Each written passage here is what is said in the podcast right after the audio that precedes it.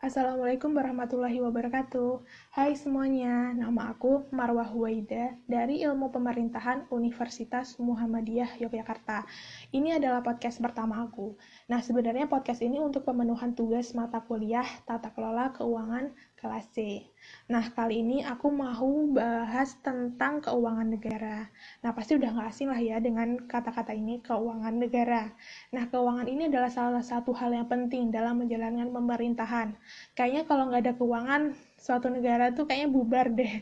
Keuangan negara ini cukup penting ya untuk kita ketahui, apalagi buat mahasiswa ilmu pemerintahan. Nah, keuangan ini bisa dibilang di negeri kita ini banyak nimbulin masalah. Seperti misalnya kasus penggelapan uang lah, korupsi, suap, eh, bahkan banyak kepala-kepala daerah yang di yang di OTT. Itu parah banget sih. Nah, kita langsung bahas saja. Nah, untuk kita tahu tentang keuangan negara itu, sebenarnya kita bisa baca Undang-Undang Nomor 17 Tahun 2003. Nah, pada podcast ini aku berusaha untuk uh, menyampaikan secara ringkas. Nah, keuangan negara ini sebenarnya apa sih? Keuangan negara itu menurut Undang-Undang Nomor 17 Tahun 2003 adalah semua hak dan kewajiban negara yang dapat dinilai dengan uang, serta segala sesuatu baik berupa uang maupun berupa barang yang dapat dijadikan milik negara berhubung dengan pelaksanaan hak dan kewajiban tersebut. Sedangkan menurut prosesnya, keuangan negara itu merupakan seluruh rangkaian kegiatan pengelolaan semua hak dan kewajiban negara yang dapat dinilai dengan uang, dimulai dari perumusan kebijakan dan pengambilan keputusan sampai dengan pertanggungjawaban. Nah, di dalam keuangan negara ini apa aja sih isinya? Apa aja ruang lingkupnya? Nah, yang pertama ada hak negara untuk memungut pajak, mengeluarkan dan mengedarkan uang, dan melakukan pinjaman. Yang kedua ada kewajiban negara untuk menyelenggarakan tugas layanan umum, pemerintahan negara, dan bayar tagihan pajak pihak ketiga.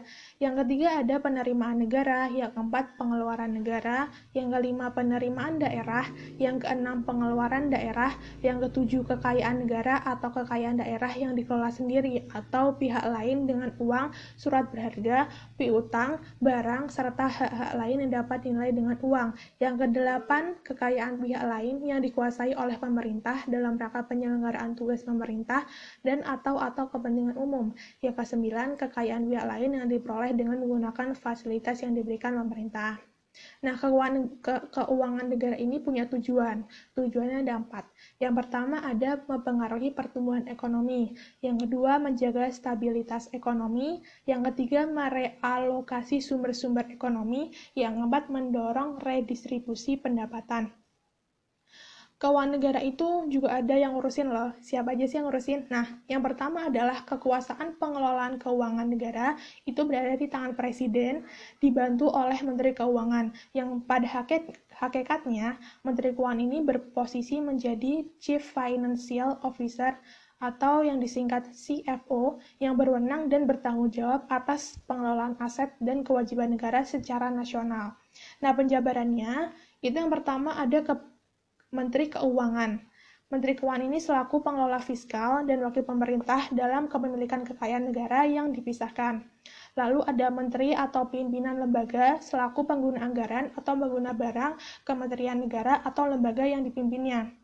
Yang ketiga ada gubernur atau bupati atau wali kota selaku kepala pemerintah daerah untuk mengelola keuangan daerah dan mewakili pemerintah daerah dalam kepemilikan kekayaan daerah yang dipisahkan. Nah, agar tujuan yang tadi aku sebut ini tercapai, uh, keuangan negara ini punya asas. Yang pertama ada asas akuntabilitas yang berorientasi pada hasil, yaitu asas yang menentukan bahwa setiap kegiatan dan hasil akhir dan kegiatan pengelolaan keuangan negara harus dapat dipertanggungjawabkan, karena tiap sen uang negara itu adalah ruang, uang rakyat juga, dan akuntabilitas ini harus sesuai dengan ketentuan peraturan perundang-undangan yang berlaku. Yang kedua ada asas profesionalitas, yang berarti mengutamakan keahlian dan kompetensi yang berlandaskan kode etik dan ketentuan perundang-undangan. Yang ketiga ada proporsionalitas, yakni asas yang mengutamakan keseimbangan antara hak dan kewajiban penyelenggaraan negara. Yang keempat ada keterbukaan, yaitu asas yang membuka diri terhadap hak masyarakat untuk memperoleh informasi yang benar, jujur, dan tidak diskriminatif tentang pengelolaan keuangan negara dengan tetap memperhatikan pelindungan atas hak-hak asasi pribadi golongan dan rahasia negara. Yang kelima, pemeriksaan keuangan oleh badan pemeriksa yang bebas dan mandiri. Nah, di Indonesia ini, di Indonesia ini kita punya uh, badan pemeriksa yaitu BPK Republik Indonesia atau uh, panjangnya Badan Pemeriksa Keuangan. Nah, di dalam keuangan negara ini terdapat uh, dua hal, yaitu ada APBN dan APBD. Nah, kita mau bahas tentang APBN dulu ya. Nah, APBN itu adalah APBN, Anggaran Pendapatan dan Belanja Negara. Nah, ini artinya adalah rencana keuangan tahunan pemerintah negara yang disetujui oleh Dewan Perwakilan Rakyat atau disebut DPR. Nah, pada dasarnya ini APBN mengandung perkiraan jumlah pendapatan, perkiraan jumlah belanja, dan perkiraan pembiayaan. APBN disusun oleh pemerintah dengan tujuan dalam rangka pelaksanaan tugas yang dibebankan kepada pemerintah. Nah, dalam uh, perancangan APBN ini itu ada prosesnya. Nah, yang pertama prosesnya adalah perencanaan dan penganggaran APBN. Itu dilakukan pada bulan Januari sampai Juli. Yang kedua, ada pembahasan APBN. Nah, itu dilakukan pada bulan Agustus sampai dengan Oktober. Yang ketiga, ada penetapan APBN yang dilakukan pada akhir Oktober. Yang keempat, ada pelaksanaan APBN yang dilakukan sejak Januari. Lalu, eh, ada pelaporan dan pencatatan APBN. Lalu yang terakhir, pemeriksaan dan pertanggungjawaban APBN. Nah, yang kedua, itu tadi adalah APBD, Anggaran Pendapatan dan Belanja Daerah. Eh, APBD adalah rencana keuangan tahunan pemerintah daerah yang disetujui oleh Dewan Perwakilan Rakyat Daerah atau DPRD. Nah, selanjutnya kita mau bahas tentang pengelolaan pendapatan negara dan hibah. Nah, pendapatan negara dan hibah terdiri atas penerimaan dalam negeri dan hibah. Penerimaan dalam negeri terdiri atas penerimaan perpajakan dan penerimaan negara bukan pajak. Dalam bab 3 ini akan diuraikan secara umum jenis-jenis penerimaan negara tersebut dan hibah.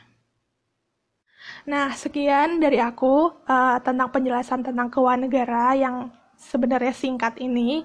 Uh, semoga bisa membantu dan mohon maaf jika ada kesalahan karena ini adalah podcast pertamaku. Uh, terima kasih telah mendengarkan. Wassalamualaikum warahmatullahi wabarakatuh.